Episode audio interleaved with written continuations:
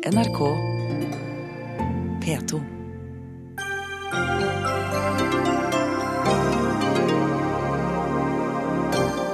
MDG gikk til valg på å satse på kollektivtrafikk, men ga ingen flere penger til trikk, buss og bane i Oslo. Og visste velgerne i de 50 kommunene der MDG fikk makt, at de ikke får gjort noe som helst med kollektivtilbudet? Vestlandet samles til ett fylke. Da forsvinner vel pengene vekk fra Sogn og Fjordane, og makta samles i Bergen? Regjeringen bruker millioner på en ny app for å registrere flyktningenes kompetanse, men den jobben gjøres grundig av UDI for hver asylsøker i dag. Det fantes en studie som viste at Bent Høies grønne snusbokser ikke hadde noen effekt. Hva gjorde Bent Høie da? Han stanset den, ifølge forskeren.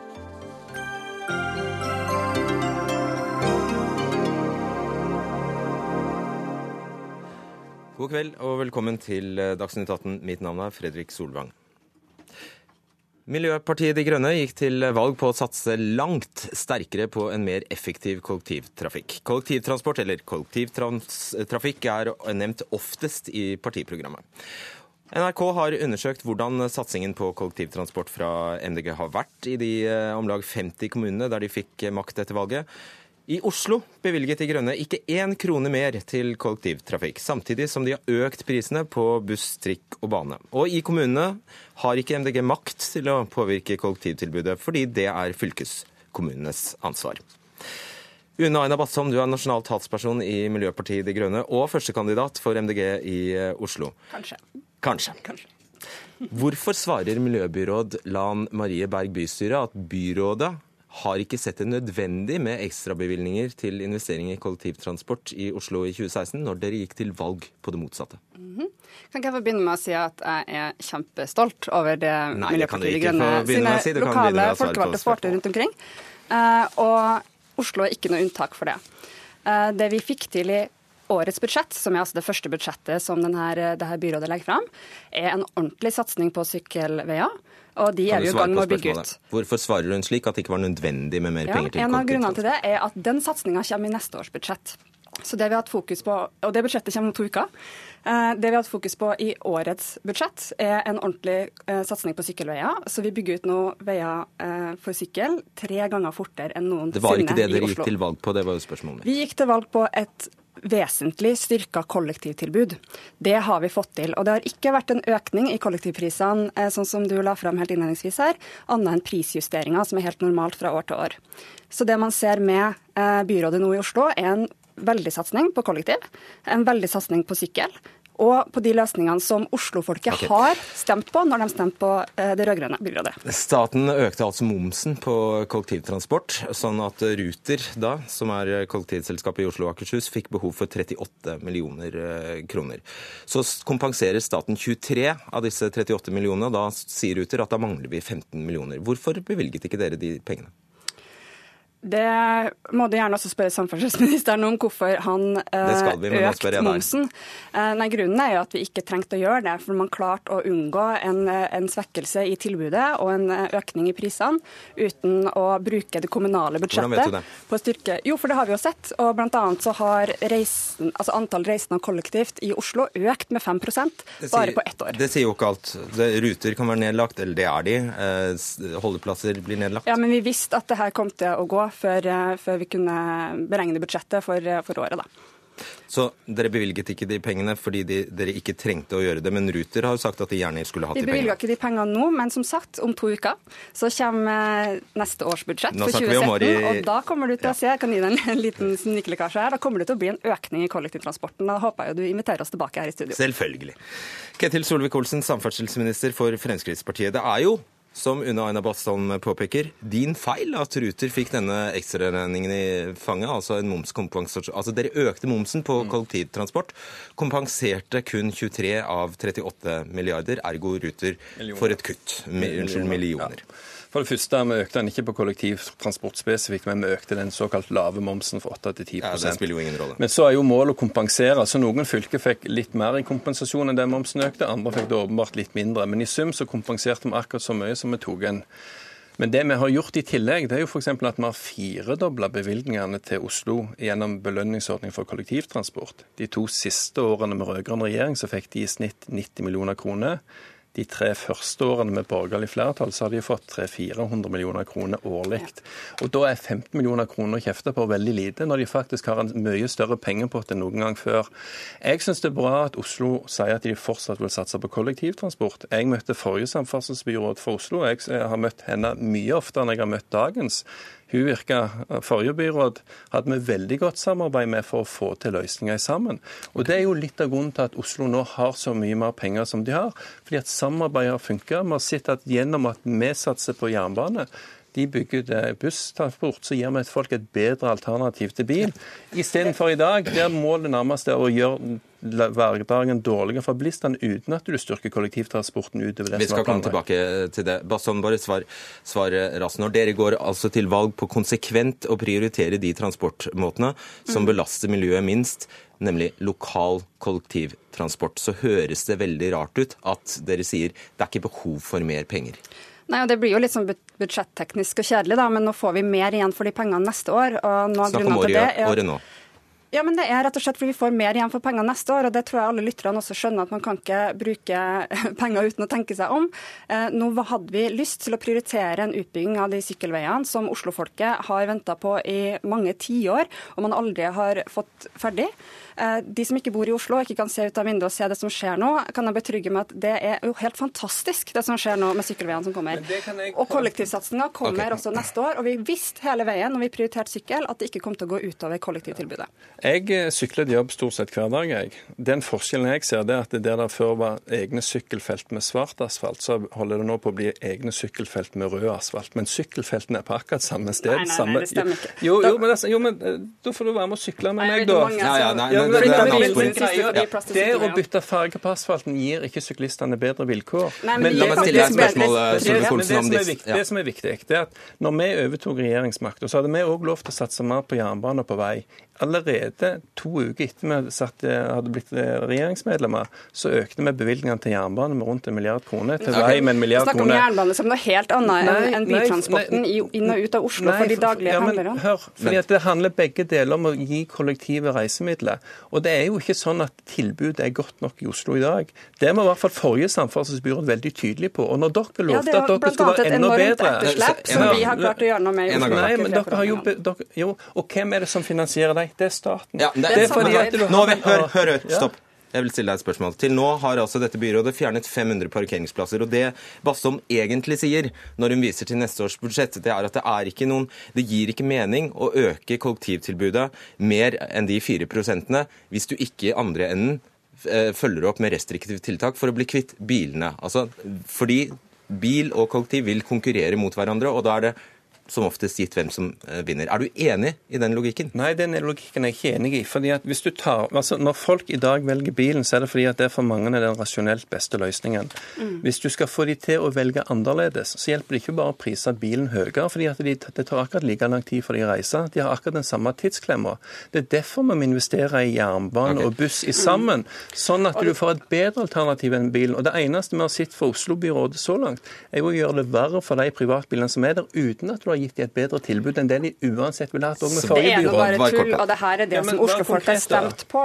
Jo, men, men si, si, hva dere har gjort annerledes enn Venstre-byråden som satt før dere. Dere har ikke endret noen regler, det bekrefter byrådet. Dere har ikke bevilget mer penger, blant... men dere har endret fargen på noen sykkelveier. Vi har bl.a. sittet i forhandlinger med dine representanter fra Vegvesenet og klart å få gjennom en historisk satsing på kollektiv. 3, som vi ikke ja, skal komme så veldig mye inn. De 50 milliardene kronene her, kan jeg være så snill å få ja. understreke det her, for det er så viktig. Ja. De 50 milliardene kroner, 50 milliarder til kollektivsatsing til den nye tunnelen. Ja, tusen takk for det, men det var til tross, det var til tross for deres ønske om å satse det på motorveiprosjekter istedenfor kollektivt. Ok, jeg stopper det der. Vi skal ikke bare snakke om Oslo, nemlig, fordi MDG er i posisjon i om lag 50 kommuner.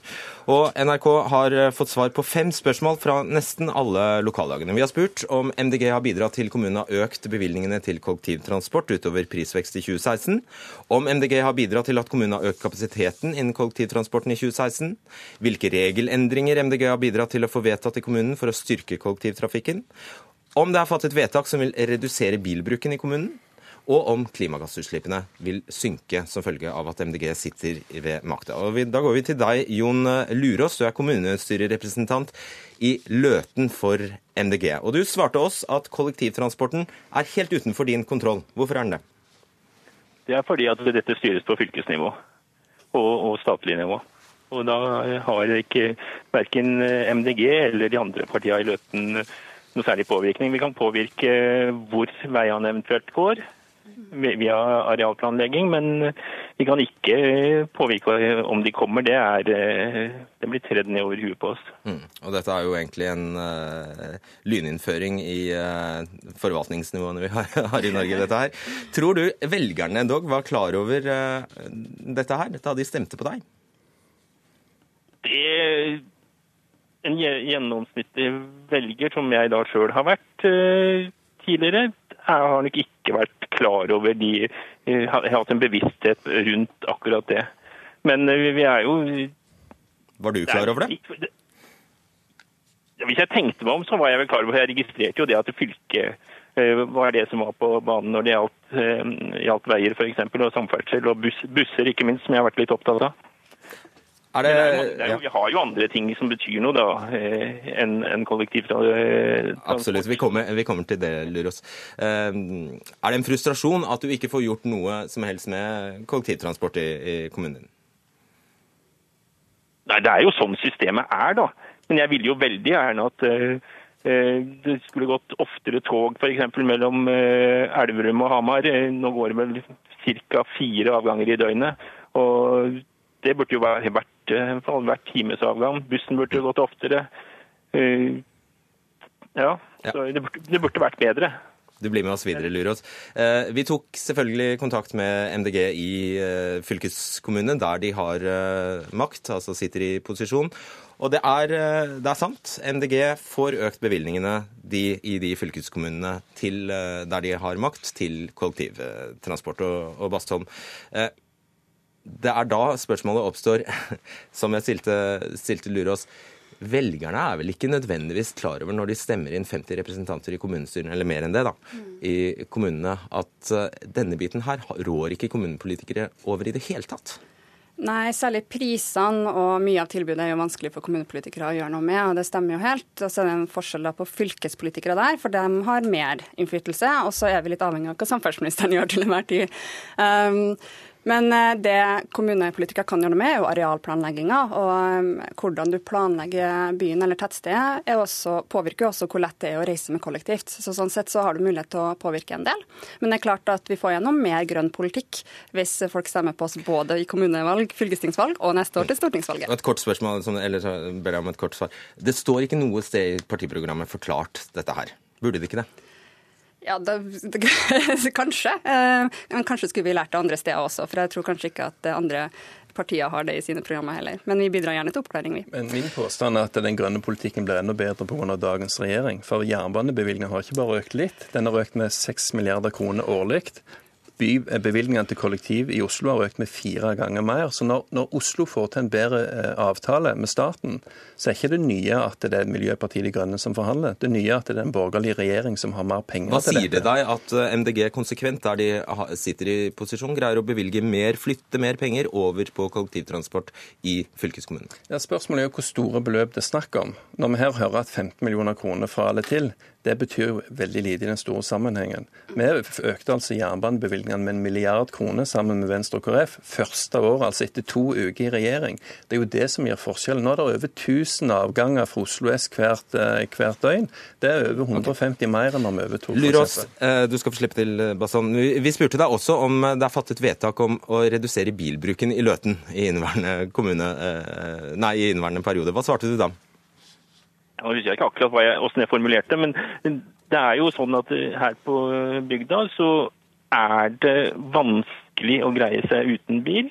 Eh, det er eh, det å kjøre en tom buss langt ut i skogen for å hente to stykker, det er ikke god løsning. Det vi har fått gjennom, er jo at vi har fått sørga for at det er parkeringsplasser for, som gir grunnlag for samkjøring. Og mm.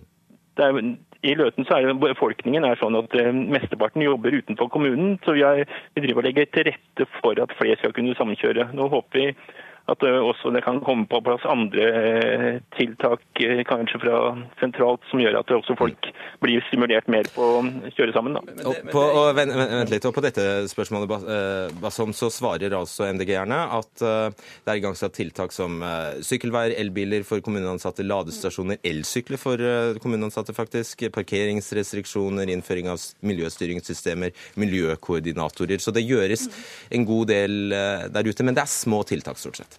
Ja, men som til sammen betyr ganske mye. Eh, og det er jo sånn det er rundt omkring i Kommune-Norge. De skal gjøre sin del av jobben, og så må de på fylkene eh, gjøre sin jobb. Og så trenger vi et skifte også nasjonalt, sånn at vi får en helt annen satsing. For noe av problemet med den togsatsinga, som det stemmer, det er at dere har klart å ta igjen mye av eh, økninga i etterslepet på, på, på tog.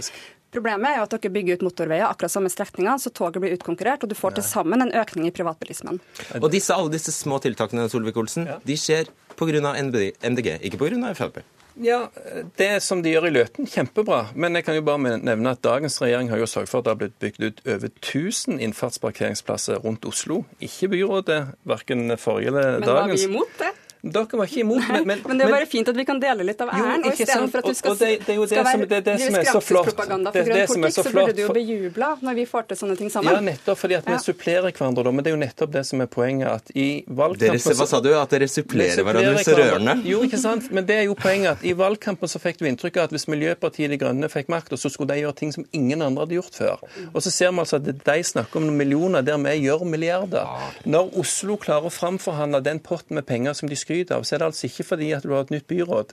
Fordi at forrige byråd... Jo, det er det, altså. Nei, talt, det jo, men, her, her, Nei, dere trekkes hele tiden mot denne Oslopakke 3. Jeg vil bare... Nei, men, dere får ikke lov til det. Fordi at Det er en grunn til at vi fikk fram så mye penger, det er at denne regjeringen har sagt at vi skal ta halvparten av investeringskostnadene.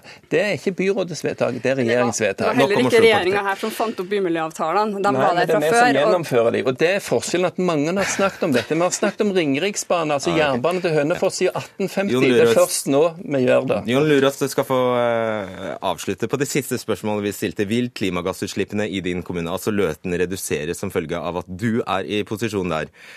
Hva svarte du da?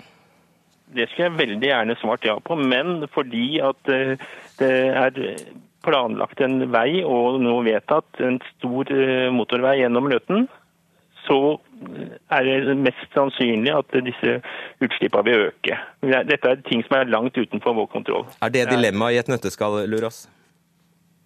Det er jo det. At eh, vi kan, det eneste påvirkningen vi har, det er eh, hvor ting blir lagt hen av veier og sånn via arealplan. Og da må vi jobbe for å få jordvern. Jeg var den eneste som stemte mot denne veien pga. jordvernelementet. Og det var litt frustrerende. Det skjønner jeg. Takk skal Du blir sittende, Solvik-Olsen. Eh, tusen takk skal dere ha, Una Einar Bastholm og Jon Lurås. Dagsnytt 18 alle hverdager klokka 18.00 på NRK P2 og NRK2.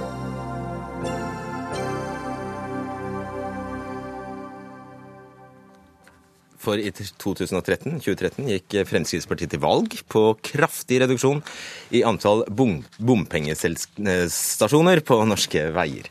Etter tre år i regjeringsposisjon og med plass på toppen av Samferdselsdepartementet har antallet økt. På Dagsrevyen i går skyldte du, samferdselsminister Ketil Solvik-Olsen, på at uh, du må bøye deg for lokaldemokratiet i kommunene, og at Frp blir nedstemt av de andre partiene. Og det var da du, Robin Koss, ordfører i Porsgrunn for Arbeiderpartiet, rykker ut og kaller dette bløff og ansvarsfraskrivelse. Hvorfor det? Fordi at det er det det er.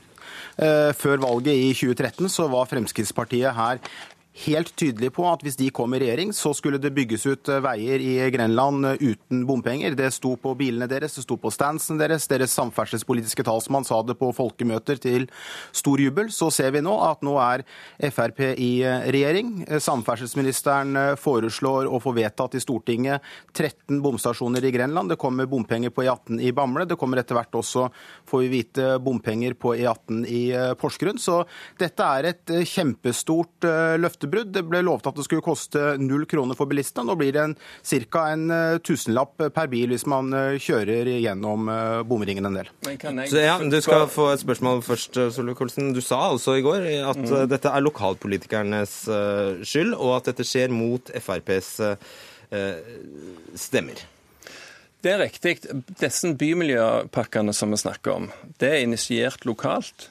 Dette var planer som lå eh, klar lenge før vi overtok. Jeg fikk veldig mye kjeft fra Arbeiderpartiet lokalt for at ikke jeg bare fremma det med en gang for Stortinget og fikk vedtatt bompengene. Men vi brukte faktisk ganske mye tid for å se om vi kunne fjerne bomstasjoner. Og det er altså mange hundre millioner kroner mer i statlige bidrag til Grenland som Arbeiderpartiet ikke ville lagt inn. Og det er færre bomstasjoner enn det Arbeiderpartiet hadde planlagt. Og vi ser at De har ikke gått til valg på noe annet heller? Nei, det er helt greit. Men, men i, uh, Frp har gått til valg på det. Men vi var veldig tydelige i oktober etter regjeringsforhandlingene at akkurat den saken tapte vi. Vi klarer ikke å stoppe alle bomstasjonene, men vi fikk flertall i regjeringsflertallet for at vi skal ha færre bomstasjoner enn det som var planlagt. Så vi kommer altså et skritt i riktig retning. Men hvis du ser på Grenland, så er det altså stort sett Arbeiderparti-ordførere. Men når dette ble vedtatt, så var det én kommune med Frp-ordfører og den kommunen har ikke bompenger. Og Derfor er det altså en forskjell. Ropen Koss sin Arbeiderparti-styrt kommune har bompenger. Frp-kommunen Bamble på sida har ikke bompenger. det er bare tull. Men for det første så er det bare tull. Ja, men kan, kan ikke Nei, men altså, nå må, jo, nå må jo statsråden være redelig her. For nå har jo statsråden nettopp foreslått for Stortinget og fått vedtatt at det skal settes opp bompenger også i Bamble på E18 med utbygginga der. Ja, nei, men det er, det er en annen prosjekt, det vet du. Ja, det er jo et annet prosjekt. Men, men, det er jo den mest brukte veien i hele Bamble gamle, og der skal du sette opp en meget kostbar bomstasjon. Men Ruben, nå, nå, Ruben vil du være med meg og kjempe imot den? selvfølgelig. Ja, men, vi, vi, vi, altså, vi vedtok allerede ved, altså, eh, før jul i fjor å eh, sende inn en høring til samferdselsministeren om at vi var bekymra over at her ble det altfor mye bompenger på kort tid. Nå har vi gått fra en situasjon hvor vi har hatt null bompenger, til at vi nå får bompenger på E18 i Bamble. Stille deg et konkret spørsmål. Ja, Robin ja. Koss. Hvem har vedtatt bomringen i Grenland, som altså innebærer, som du sier, 13 nye bomstasjoner, som åpner for betaling om to uker? Hvem har vedtatt det? Det er Stortinget som har vedtatt. Det som vi har gjort, og som jeg syns at som jeg syns statsråden skal ha ros for. Har du gjort lokale vedtak? Ja, har du gjort lokale vedtak som innebærer mer bompenger til sykkelsti, gangfelt, infrastruktur osv.? Lokalt så har vi forholdt oss til det som Stortinget har vedtatt, selvfølgelig. Har du gjort ja, eller i kommunestyret ditt? Du har det selv, selv, selvfølgelig har vi ikke det. Vi kan ikke bestemme hvor mye Stortinget skal bevilge. Vi må forholde, Nei, men... oss, til det. Vi må forholde okay. oss til det som Stortinget det bestemmer. Det, det, som, som, det, som, vi har spilt inn lokalt, det er hvilke prosjekter vi ønsker, hvordan pakka skal bli innretta. Der har statsråden lytta til oss. Vi har også spilt inn at vi mener at uh, vi gjerne skulle hatt mer penger for å redusere bompengene. Der har statsråden lytta til oss delvis. Men faktum er er at nå settes det opp 13 stasjoner. For de fleste bydelene i Skien og Porsgrunn så blir det faktisk litt dyrere enn det det ellers hadde blitt. Solvik-Olsen, okay. stemmer dette? Nei, det er ikke sant. I alle bompengeproposisjoner som fremmes, uansett hvilken statsråd som sitter, så ligger det lokale vedtak først. Det er ikke fullmakt for Stortinget å vedta bompenger hvis ikke lokalpolitikerne har vedtatt det først. Så her lyver du rett og slett. Hvorfor sier du det, da, Kåss? Det er selvfølgelig ikke riktig det som statsråden sier. Ja, men Det er veldig lett å etter... Nei, ja, Dette er en veldig enkel ting å sjekke etterpå, da. Det er veldig lett å sjekke, og det ligger ute. Bare å se på regjeringen.no, på stortinget.no. Ja. Vi, vi, sendte inn NRK gjør den jobben. Nå, nå får du høre etter nå, statsråd. Jeg hører etter. Ja. Vi sendte inn altså Min forgjenger og hans kollegaer sendte inn i 2013 forslag til hva en bypakke kunne innebære. I 2015 så la Frp, altså deg, fram ditt forslag, som var annerledes enn det vi hadde spilt inn.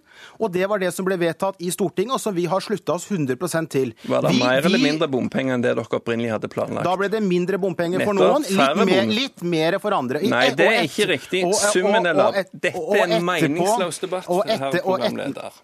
Nå, nå det er en meningsløs debatt, fordi nei, at du lyver her om hva vedtak som er gjort. Du nei, lyver om at dette Nei, det er bare tull. Nei, ja, I det minste en av gangen, da. OK, Solvik-Olsen. Ja. For det første, alle bomprosjekt som blir vedtatt, har lokale vedtak først. Men når du sier at du er imot de bomstasjonene som settes opp, da er jo meg og deg egentlig på lag. Problemet er at vår motstander, det er Arbeiderpartiet i Stortinget. Fordi at når regjeringen i 2016-budsjettet la fram forslag om å bevilge nesten en halv milliard kroner for å kutte bompenger, så stemte Arbeiderpartiet imot. Og så kritiserer du meg for at vi ikke får kutta bompenger, når ditt parti er med og utgjør et flertall som stopper oss. Hvordan forklarer du det? Du, eh, da, må jeg, da, må jeg, bare få stille deg et spørsmål. Altså, altså, du, eh, du, skryter av at du har fått fjernet sju eller åtte ja, stasjoner. eller hva det er. Det fikk vi gjort sammen med Venstre og KrF. Ja, eh, og så har vi redusert satsene altså, på de samme tre årene så har altså følgende skjedd. Veipakke Salten har kommet til, Harstadpakken, bomringer i Førde og Grenland, som da er altså 13 13 stykk bomstasjoner, som vi hører. Ja. Og Buskerud by, som skal vedtas i Drammen neste uke. Der, der... Ingenting av dette har du ansvar for. Jo, altså vi er, vi er, med i kompromiss og utgjør et flertall. Men da holder du ikke valgløftene dine? Nei, det er riktig, for vi blir nedstemt. Det er riktig at du ikke holder valgløftene dine? Ja, fordi at vi blir nedstemt. Vi lover å kjempe imot bomstasjoner. Og jeg tror alle forstår at når vi ikke har flertall alene, så inngår vi kompromiss. Men der vi tapte alle sånne saker i opposisjon, så vinner vi en del av dem. Blant annet så er det tre færre bomstasjoner og mange hundre millioner kroner mer i statlige okay. midler i, i Grenland. Men forskjellen her, forskjellen her eh, er jo at Fremskrittspartiet og Høyre-regjeringen har fremma forslag om ytterligere bompengekutt. Vi har altså vist i våre statsbudsjett at vi ønsker hvor, å kutte bompenger. Eh, veldig kort til det. Hvor mye da? Nesten en halv milliard. 400 millioner. 400... Er du klar over hvor mye bompengeinnkrevingen i Norge er i løpet av eh, et år? det er 9 milliarder. Nettopp. Ja, 400 millioner av 9 milliarder. Nettopp, det er smårusk. Det er jeg enig i, men vi må jo begynne et sted. Men poenget er jo at vi får jo ikke engang flertall for det i Stortinget, fordi at Ruben Kors sitt parti ja. stopper oss. Og det er jo der det er så uryddig Dette her er ganske, ganske spesielt å høre på fra, fra en, eh, fra en erfaren statsråd. Stemmer dere for eller imot å kutte bompenger? For, for det første så sier man at Frp har blitt nedstemt. Det som har skjedd, er at det er FrPs forslag som har blitt enstemmig vedtatt, og da er det viktig å ta ansvar for det. Ikke om bompengekutt. Nå, nå lot jeg deg snakke, så nå kan du la meg fullføre. I hele forrige debatten, som jeg hadde gleden av å høre på, så skrøt Solvik-Olsen av alle de flotte samferdselstiltakene som han bruker penger på. Han tar æren for å bruke pengene, men så skylder han på oss eh, lokalpolitikere for de pengene som han krever inn. Altså Her krever han inn store summer i bompenger, helt stikk i strid med det som ble lovt før valget. Det er en bløff. Arbeiderpartiet lovte ingenting når det gjaldt uh, bompenger uh, her. Nei, gratulerer nei, med det. Nei men, altså, nei, men nei, vi var ærlige. Vi lovte andre ting på Sykehuset Telemark, andre ting som vi mente var viktig. Frp garanterte at her skulle det bli bomfritt. Nå kommer det 13 bomstasjoner i Grenland, og appåtil i Bamble okay, og enda mer på E18. Så ditt anliggende er egentlig bare å plage han? Det er bare derfor du er her i dag? Nei, absolutt, nei, absolutt ikke. Nei, jeg, jeg, fikk en uh, utfordring fra samferdselsministeren uh, i går, hvor han uttalte, og NRK, ba, hvor NRK ba meg svare på en påstand om at lokalpolitikerne har ansvaret for at det blir satt opp bomstasjoner. Det har vi slettes ikke. Vi må forholde oss til de bevilgningene som kommer fra Stortinget. Han garanterte, her, sammen med Fremskrittspartiet, for at her skulle det komme ingen bomstasjoner. Nå fjerner man noen få bomstasjoner, men for folk som bor i Porsgrunn og Skien, så har det ingen effekt. Men, men bom, det ville vært flere bomstasjoner om din politikk hadde blitt gjennomført. Det ville vært høyere takster om din politikk hadde blitt gjennomført. Og, fått... og det har blitt åtte færre med dine. Takk skal dere ha. Flertall for vedtak, så hadde det blitt øven, rundt en halv milliard kroner ytterligere i kutt. Men 400 det millioner av 9 400 millioner kroner, men det stoppet Arbeiderpartiet. Takk skal dere ha, Ketil Solvik-Olsen og Robin Kåss.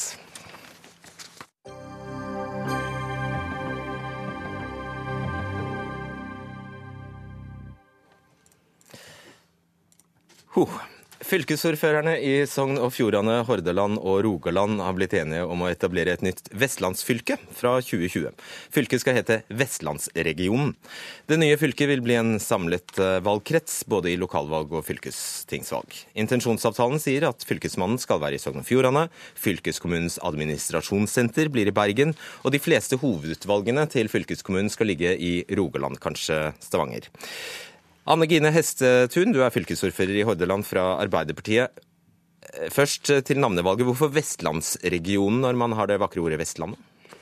Ja, det er fordi at eh, det er en regionreform som nå er vedtatt i eh, Stortinget, og som vi da tar utfordringen på. Og så må en huske det at nå er det en intensjonsavtale og et langt Eh, arbeid som så vidt har begynt å starte. Vi har en milepæl i dag med intensjonsavtalen. Så skal det gjennom fylkestinget i våre, og så er det hardt arbeid fram mot 2020. Og Vestlandet er et eh, felles begrep, og når det er regionalisering, så er det Vestlandsregionen som er, eh, er navnet på regionen. Hva har dere, altså Hordaland, å tjene på dette? Vi har mye å tjene på dette som et fellesskap. Mitt fylkesting i Hordaland ga oss et mandat om å forhandle fram en avtale med våre to nabofylker Sogn og Fjordane og Rogaland for å få til et robust og sterkt en robust og sterk region med der Eh, eh, nærdemokratiet skal være prega av, eh, av, denne regionsatsinga. Det er viktig. Samtidig så skal vi ha framtidsretta samfunnsutvikling på hele Vestlandet. Det har vi mye att for å samarbeide med. Og det handler om å få til bærekraftig forvaltning av samla ressurser. Så det er mye godt så en sterk vestlandsregion på 1,1 millioner fører med seg. Ja, det var mange fine honnørord. Robust og bærekraftig bærekraftig. Geir Pollestad, stortingsrepresentant for eh, Senterpartiet. Denne sammenslåingen må jo nesten være ideell eh, drømmepolitikk for Senterpartiet. Her eh, spres jo alt for alle vinder. Altså svært desentralisert blir det nå. Vi stiller oss spørsmålet hva er det som skal bli bedre for innbyggerne med denne fusjonen. Jeg er du imot det? Jeg har vanskeligheter for å se at du skal lage en så stor region uten at det er gitt noen som helst løfte om nye, eh, store oppgaver. Og så har jeg lest i både avtalen og jeg hører fylkesordføreren nå. Det er jo de store ordene som preger dette. Men eh, det eneste en vil få, er en forvokst eh, fylkeskommune. Og jeg frykter at det vil svekke Vestlandet, ikke styrke det. fordi at når en skal drive videregående skole og kollektivtrafikk, og så skal en ha et så stort område, så vil regionene miste, eller regionen miste legitimitet. Det blir stor avstand mellom de som styrer og de som blir styrt. Eh, og Det er jeg, eh, mener jeg er en feil utvikling, når en ikke har noen grunn til å tro at en får nye, store oppgaver til regionen. Hestetun, ja. Eh, hovedutvalg i Stavanger, fylkesmann i Sogn og Fjordane, fylkesting i Bergen. Høres jo veldig upraktisk ut. Jeg må først få lov å svare litt på det som Geir Pollestad sier. Ja, du kan også forholde deg til spørsmålet mitt. For det er klart at et krav fra oss, det er oppgave. Nei, det vil du ikke. Og det har statsråden lovt, og via stortingsflertallet, at det skal komme. Og det er et krav. Og så har jeg lyst til å utfordre Geir Pollestad på én ting.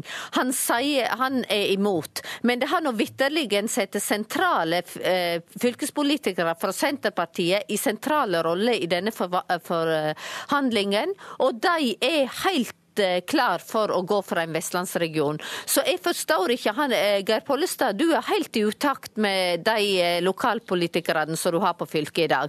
Og det har jeg lyst til å utfordre deg på. Ja, det er uh, ulike syn om dette i uh, Senterpartiet. Men det er klart at uh, når jeg ser at innbyggerne i Rogaland står i fare for å komme dårlig ut, at mye makt blir flytta til Bergen, så mener jeg det er min eh, plikt å gi beskjed. Hvordan kan dine egne partifeller eh, være så uenige med deg, da? Ja, det er ingen stort engasjement i Rogaland eh, Senterparti for denne saken. Hvilke vurderinger de gjør i Hordaland og Sogn og Fjordane, det får de eh, diskutere der. Og der vet jeg at de eh, gjør. Dette skal gjennom fylkestinget nå. Men det som er at vi har ingen konkrete løfter, sånn som fylkesordføreren sier, om nye store oppgaver. Det ble sagt at ved kommunereformen så skulle det òg komme nye store oppgaver. Da endte en opp med forhåndsgodkjenning av svømmeanlegg og godkjenning av eh, grønnsaksvaskeri og vigselsrett til ordføreren. Mm. Så hvorfor skal vi nå tro at Sanner vil komme med de store oppgavene?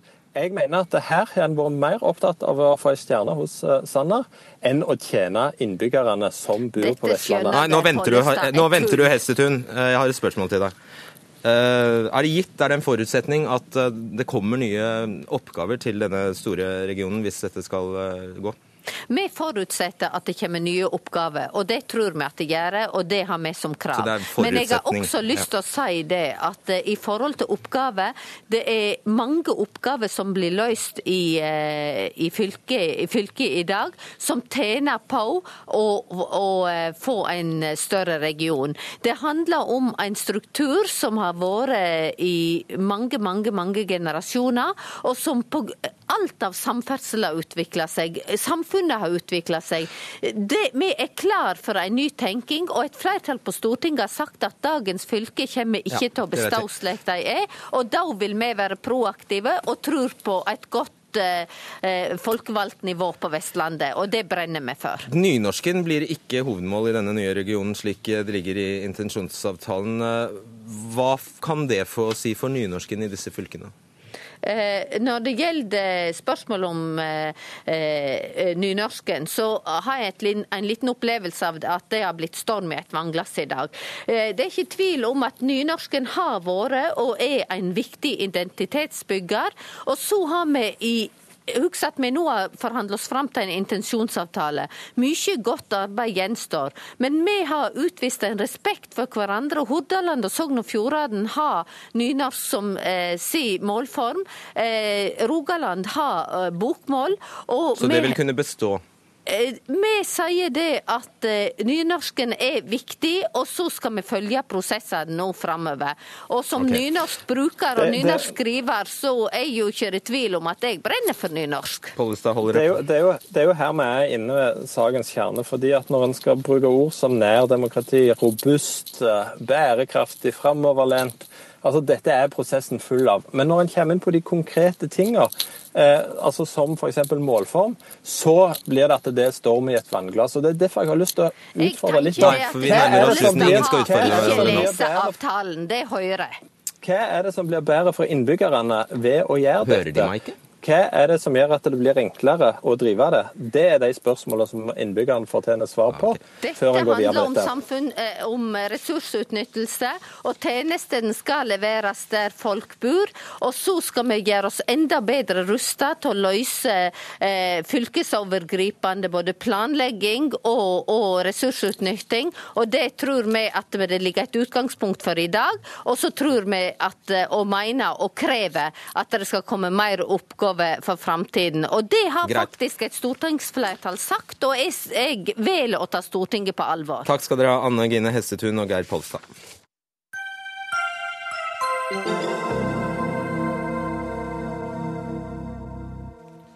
I går debatterte vi her i Dagsnytt 18 det nye digitale selvrapporteringssystemet for flyktninger. Eh, snart skal de registrere kompetansen, utdanningen og arbeidserfaringen sin i en nyutviklet app. Og um, La oss minne litt om bakgrunnen. Flyktningstrømmen når, uh, når Norge med full styrke i fjor høst, og da er det mye snakk om at mange av de som kommer, kan være en ressurs, og at uh, det gjelder å få dem kartlagt så fort som mulig og få dem ut i jobb. Organisasjoner og organer og etater og institusjoner kappes om å stille seg først uh, i køen av dem som vil drive dugnad. Så svarer regjeringen på dette kravet om, med å gi oppdraget til Lille Vox, nasjonalt fagorgan for kompetansepolitikk. Og der skal de lage en elektronisk løsning for flyktninger de kan, eh, altså en løsning som innebærer at de kan rapportere selv hva de kan, og deretter få karriereveiledning av eh, Vox. I dag kan vi fortelle at UDI allerede gjør denne jobben. For UDI har et regelverk der de er pålagt å kartlegge, kartlegge og registrere personalia, språk, utdanning, yrkeserfaring, interesser og til og med yrkesdrømmer. Og dette registreres for alle som havner på mottak i Norge og legges inn i datasystemet Sesam. For de som får opphold, sendes opplysningene fra UDI til IMDi, som så bruker dem som grunnlag for bosetting. Og Kunnskapsdepartementet ville heller ikke i dag stille og fortelle oss hvorfor det er behov for en slik app. Heller ikke UDI ønsket å stille, men de har forklart oss hvordan dette foregår. Irma Julardskia, du har vært informasjonsansvarlig på mottak og er nå rådgiver for frivillighet i Norsk Folkehjelp. På hvilket stadium i asylprosessen registreres disse opplysningene om asylsøkerne?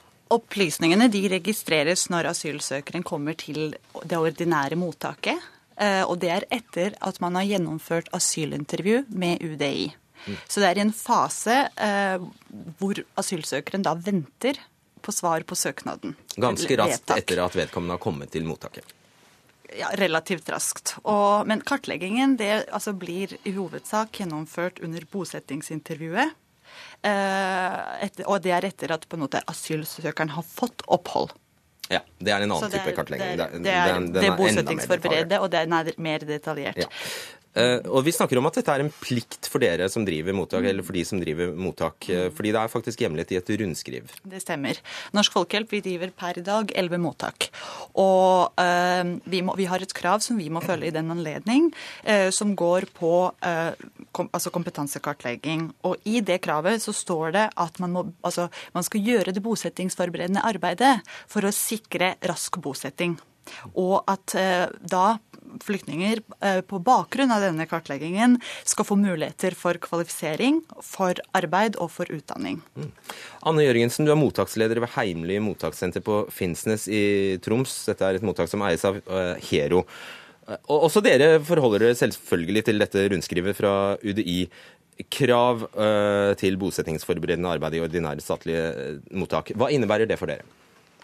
Eh, vi har kartlegging av alle nye beboerne som kommer i løpet av de første to ukene de bor på mottaket.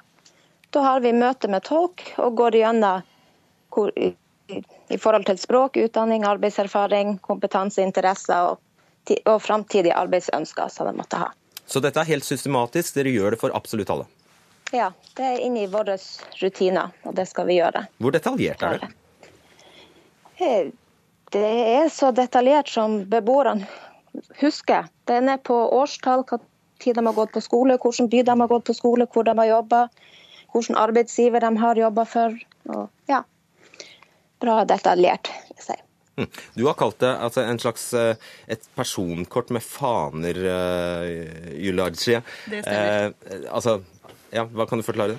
Altså det jeg kan forklare er at det er på en måte et system med rullegardin med alternativer for svar. Så når man går inn for å for eksempel eh, registrere et yrke, så vil det ikke være mulig å registrere så detaljert på som f.eks hva er det du driver med? Er du en, er du en rørlegger? Er du en takdekker? Eh, er, da, da, går det på en måte under en håndverker. Så det er på en måte det vi, som kan være en uh, utfordring. Og noen ganger finner man ikke et yrke som passer altså helt ut fra de alternativene man har. Og slik er det også med utdanning. Og noen ganger man, altså, må man veie opp uh, for dette med å legge inn en merknad. Om f.eks. annen kompetanse. Hvem er det så som får disse opplysningene, Jørgensen? Eh, de bruker vi først på mottaket til å tilrettelegge tilbudet på mottaket og aktivitetene ut ifra beboerne sine interesser. Og vi hjelper dem òg hvis det er folk med høyere utdanning, at vi kan være behjelpelige med å oversette vitnemål til norsk eller engelsk. Og så sender dere dem videre til f.eks. NOKUT, som godkjenner utdanning? Ja. De, hvis det er noen som har papirer på utdanning, så sender vi det videre. Mm. Og ja, bare fortsett. Og ellers så sender vi dem til, til IMDi når de har fått opphold, skal bosettes.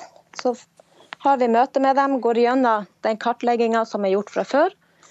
Eh, pluss at vi snakker om det er andre ting som IMDi bør ta hensyn til i forhold til tildeling av kommune. Mm. Bare Og Derfor har vi invitert deg, Bjørn Holden. Du er assisterende direktør i uh, Inkluderings- og mangfoldsdirektoratet, IMDi. Hva gjør dere med denne informasjonen fra ja, for, UDI? For oss handler dette om å ha raskest mulig løp fra ankomst til arbeid. At vi kan bruke flyktningenes kompetanse, og at vi kan få dem raskt i kvalifisering og arbeid.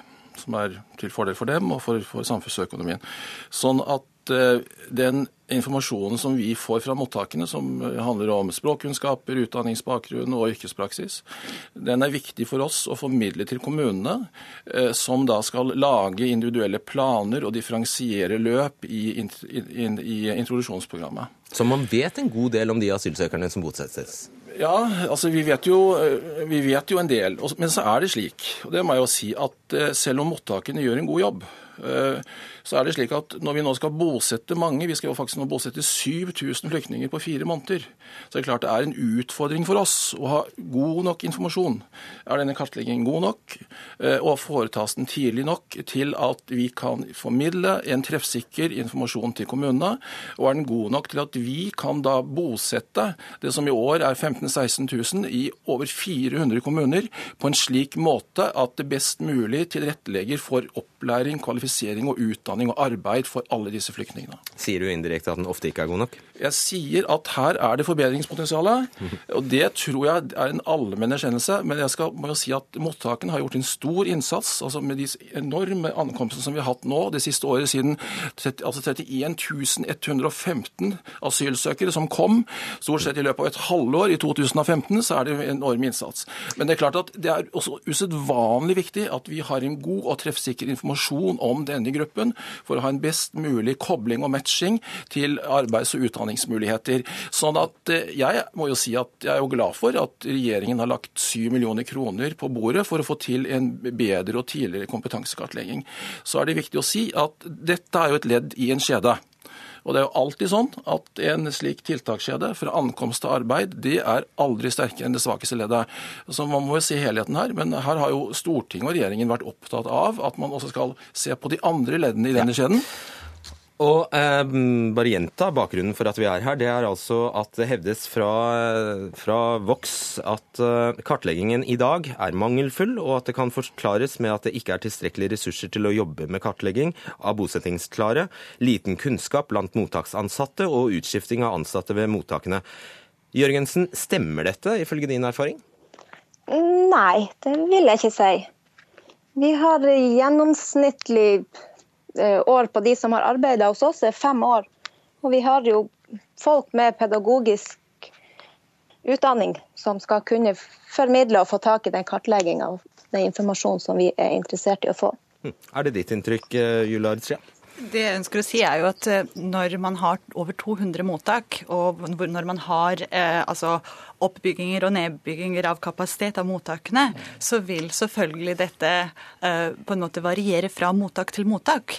Uh, men det som er viktig å si for oss, uh, vi kan jo snakke bare for våre elleve mottak, og det vi hører fra våre bosettingsansvarlige, som faktisk sitter og gjør denne jobben, er jo at selv om denne kartleggingen eksisterer, så er det en del utfordringer med den. Og det vi ser, er jo Målet med kartleggingen er jo at den skal føre til at beboeren kommer raskere til utdanning og til arbeid. Men vi ser at spørsmålet er i hvor stor grad den kartleggingen blir hensynstatt. Vi kan komme med to konkrete eksempler fra, våre mottak. Eksempelvis en beboer som uh, vi kartlegger har et ønske om å fortsette på å gå på universitet, men som blir bosatt i en kommune som ikke er i nærheten av en, altså eller en utdanningsinstitusjon. Uh, eller f.eks. en høyt utdannet ingeniør som har jobbet i olje oljebransjen i mange år fra Syria, som blir bosatt et sted hvor han ikke har denne muligheten. Mm. Og, og, på en måte gå inn uh, i, i, ønsket da, ønsket yrke og yrke, det, mm. det han er kvalifisert til. Men det vi jo uh, gjerne vil til bunns i denne runden, er om det foregår en slik kartlegging i dag eller ei. Og Bjørn Holden, det gjør det altså? Ja, men så er det slik at den kartleggingen er ufullstendig. Eh, og Den kan med fordel bli bedre, og den kan med fordel komme tidligere. Og Dette har jo også noe med at vi skal bruke den enkelte flyktningens drive. At de blir presentert for dette med en gang de kommer til Norge. Noe av de første de skal tenke på, det er hva har jeg med meg i bagasjen, og hva kan jeg bruke den på i, i, i Norge. Så du tar tro på vil, vil denne appen fungere? Ja, altså, jeg skal, Dette er jo en, en, utprøving, det er jo et forsøk. Eh, så er det en, en, god tanke, en grunntanke i dette. Eh, så må vi jo selvfølgelig eh, ha en konkretisering og se hvordan dette, dette henger sammen i hele tiltakskjeden. Fordi at det er jo avgjørende at man også får en god vurdering av den kompetansen som de oppgir at de har. Og at man får en god rask godkjenning, norskkunnskaper, at man får arbeidsrettede tiltak i introduksjonsprogrammet og alt det som skal til for at alle disse flyktningene skal komme i arbeid. Da har vi eh, La oss håpe at eh, kunnskapsminister Torbjørn Røe Isaksen hørte eller så på Dagsnytt 18 i det minste. Nå vet han at det foregår slik kartlegging. Takk skal dere ha, Irma Julardzia, Anne Jørgensen og Bjørn Holden. Hør Dagsnytt 18 når du vil. Radio NRK Radio.nrk.no.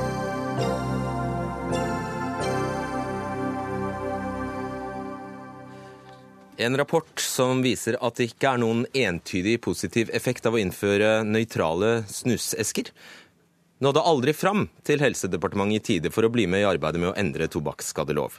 Forslaget der er å gjøre både røyk og snuspakkene helt nøytrale, altså grønne. Ifølge VGs kilder er det fordi departementet har lagt press på Folkehelseinstituttet, som dermed unnlot å publisere rapporten. Helseminister Bent Høie kunne ikke stille her i dag, og departementet har heller ikke villet stille med andre talspersoner. Vi er veldig glad for å ha deg her, Knut Inge Klepp, områdedirektør i eh, Folkehelseinstituttet. Etter flere møter, telefonsamtaler og omfattende e-postkorrespondanse besluttet du altså å utsette offentliggjøringen av denne rapporten til den var godkjent av et internasjonalt tidsskrift. Hvorfor det? Først har jeg lyst til å bare ikke ta konklus konklusjonen på artikkelen, fordi det er ikke akkurat slik som du eh, innleder med. Det, dette er en undersøkelse gjennomført blant 650 eh, eh, paneldeltakere, hvor en har spurt om holdninger til snuspakke med og uten advarsel, og at de er nøytrale. Og så finner en små forskjeller, og så sier en at det er en tendens til at Nøytrale snuspakninger med helseadvarsel er vurdert som noe mindre attraktive enn originale pakninger men de nøytrale pakningene i mindre grad knytta til positive brukerkarakteristikker som sosial, sporty og unik. Det ser altså ut til at nøytrale pakninger ikke generelt er mindre attraktive, men at de kan gjøre det vanskeligere å gi snus tilleggsverdi i form av brukeridentitet. Jeg tenker det er et resultat som absolutt kan brukes for å argumentere for at en burde ha eh, nøytrale pakninger òg på snus. Altså det kan tolkes Husker du spørsmålet mitt? Ja. Så er det i dette notatet eh, referert til tidligere undersøkelser som er gjort av Statens institutt for rusmiddelforskning. Og så sier en at vi finner litt andre resultater, men når vi reanalyserer dataene fra den forrige undersøkelsen, og det er gjort av en foreløpig upublisert analyse, så finner vi om lag det samme. Da er det jeg sier at Du husker ikke spørsmålet mitt? Du. Jo, det var hvorfor jeg stopper det. Ja, ja. Og det er akkurat det jeg svarer på. Altså, Hvorfor skal du akkurat denne, av alle, alle undersøkelser, akkurat denne som viser noe annet enn det de øvrige gjør, akkurat denne skal du la gjennomgå nitid internasjonalt, altså skal publiseres i internasjonalt tidsskrift og bli gjenstand for nitid eh, kontroll. Hvorfor det? To ting. For det første så viser han ikke det motsatte av det andre. Han har ganske sammenfallende resultat. Det er nyanseforskjeller. For det andre Den sier at man finner ingen effekt av disse grønne Nei, han sier at det eh, ser ut til å være vanskelig at snus gis tilleggsverdi i form av brukeridentitet, som jo er et kjempeviktig funn i forhold til ungdomsgruppen, som jo her eh, Okay, ja, nå avsporet jeg deg. Hvorfor ja. stoppet du den? og så er det altså da at en refererer til eh, at en har gjort en reanalyse av ti resultater i tidligere publiserte arbeider. Og det er slik som ofte skjer at en kan bruke ulike analysemetoder. Det er helt vanlig innenfor forskning.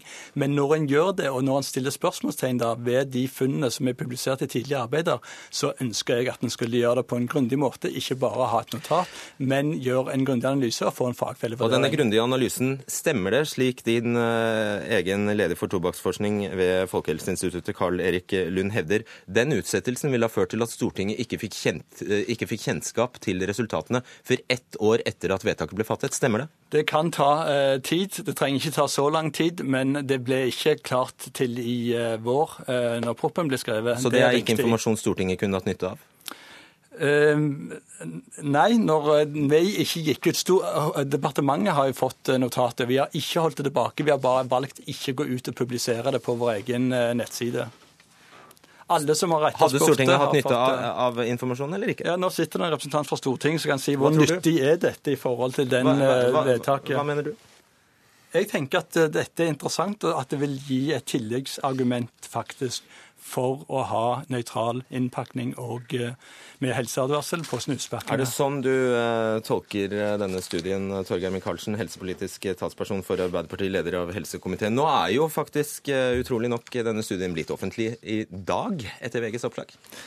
Ja, Det i seg selv er jo ganske spesielt. at uh, Denne saken har jo VG jobbet med i ukevis. Og uh, både folkehelsa, som ikke jeg syns er den som skal uh, få skylden for dette her, men også departementet Eh, kunne på eget initiativ sagt at dette var informasjon som vi vil offentliggjøre på eget initiativ, og vi ettersender denne opplysningen til Stortinget. I tillegg så ville jo denne kunnskapsoppsummeringen som ble referert her til slutt, som også ble stoppet da, eller sagt det var ikke behov for, ikke fra Folkehelseinstituttets ledelse, men fra departementet, som jeg syns er litt spesielt at de ikke stiller her i dag, eh, kunne vært også ettersendt Stortinget, fordi denne proposisjonen ble jo lagt fram da før sommeren, og denne saken er fortsatt ikke tatt til behandling i Stortinget. og vil vedvare utover vinteren. Så vi har egentlig hatt god tid til å gjøre dette. Det dessverre dette her er eh, Jeg vet ikke hva som har skjedd i denne saken. Jeg vet ikke hvem det, som har ansvar for hva. Nei, Det er greit, men det jeg egentlig spurte deg om, var om dette var eh, ja, Om du tolker studien eh, på samme måte som Klepp, at den er totalt Nei, det gjør jeg ikke. uinteressant? Nei, det gjør jeg ikke. Tvert imot. Jeg, jeg, jeg syns ikke at den trekker Eh, verken den ene eller andre veien, men den, hvis den trekker en vei, så er det jo motsatt konklusjon av det som har vært gjeldende praksis i forskning. Og Det kunne du hatt nytte av å vite som stortingsrepresentant? Ja, det kunne jeg. Ikke fordi at jeg tror at det i seg selv ville endret hva jeg mener om dette forslaget. Jeg mener at vi skal gå tøft til verks mot en tobakksindustri som nå har også tilpasset produktserien sin også mot eh, ungdom når det gjelder snus. Men ingenting er mer ødeleggende for sånne type radikale forslag som dette er, hvis inntrykket er at man forsøker å holde noe unna offentligheten. Likevel har du tenkt å stemme for Høyes forslag? Ja, Dette har ikke vi behandlet i Arbeiderpartiet, men vi har jo ganske lang tradisjon for å foreslå ganske drastiske tiltak eh, i denne saken. Eh, saksfeltet. Det litt spesielle her er jo at eh, Høie har da lagt fram et, altså helseministeren har lagt fram dette lovforslaget for Stortinget uten at hele regjeringen stiller seg bak det. Eh, det mest radikale forslaget. Det er vel enda like spesielt at uh, når det nå kommer for en dag at han kanskje ikke har forskningsmessig belegg for, uh, for tiltaket, så har du allerede utskrevet en godkjent, et godkjent Nei, det har jeg ikke. og det er overhodet ikke slik at denne rapporten i seg selv underkjenner det ganske entydige grunnlaget som dokumenterer at tobakksindustriens innpakning av, av tobakk påvirker Eh, særlig ungdom, og også salget. Så Det er ikke det som er poenget her. Poenget er at dette føyer seg inn i rekken av en regjering som har et ganske anstrengt forhold til kunnskap og forskning. Og nå har vi et nytt eksempel som jeg ikke vet yes. hva som har skjedd, men det etterlatte inntrykket er veldig uheldig. Knut eh, Ingeklepp, din forsker, eh, altså Torleif, Torleif Halkjelsvik. Eh, for eh, altså, han eh, sier at han ble svært overrasket da denne rapporten ble holdt, ikke ble offentliggjort. Og han skjønte ikke helt problemet med det, fordi den ga jo bare nyanser. Den, den sparket ikke beina under det Høie tidligere hadde lagt frem. Den ga bare ytterligere nyanser til, til debatten. Tilførte nyanser. Og den nevnte Carl Erik Lund sier faktisk Rapporten passet dårlig i den politiske agendaen til helseministeren, og vi fikk høre at representanter for departementet ønsket å utsette offentliggjøringen av resultatene, og departementet fikk viljen sin. Ledelsen ved Folkehelseinstituttet har i denne og flere andre saker tilsynelatende vist ettergivenhet for føringene fra departementet, der man kunne forvente at de i stedet ville ha vernet om forskernes uavhengighet og eiendomsrett over egne resultater. Er du eh, Dette er jo slakt.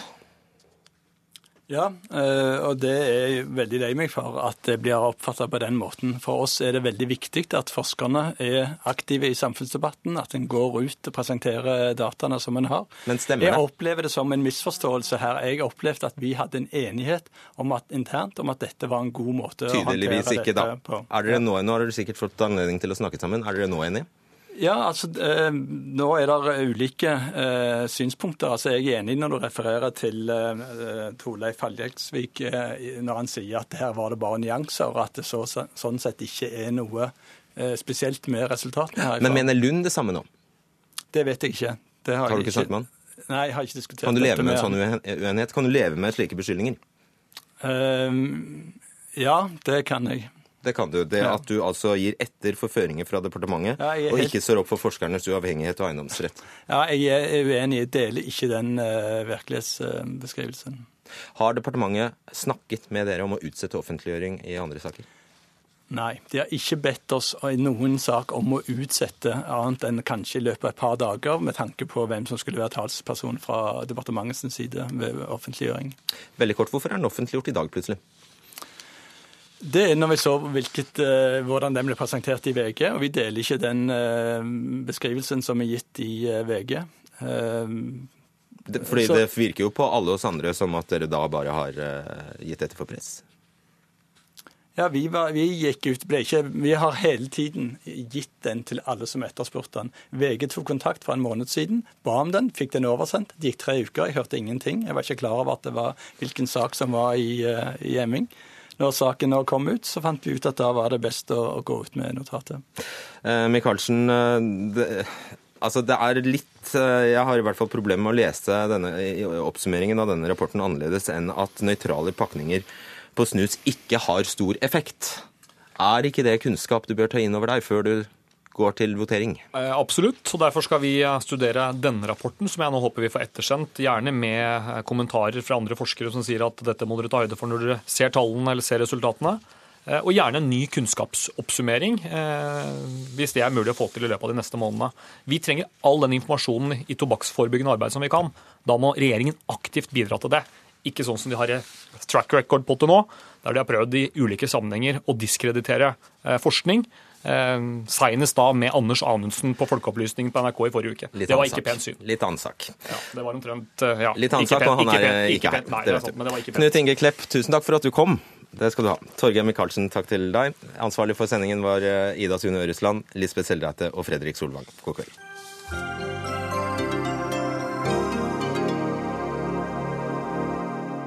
Hør flere podkaster på nrk.no podkast.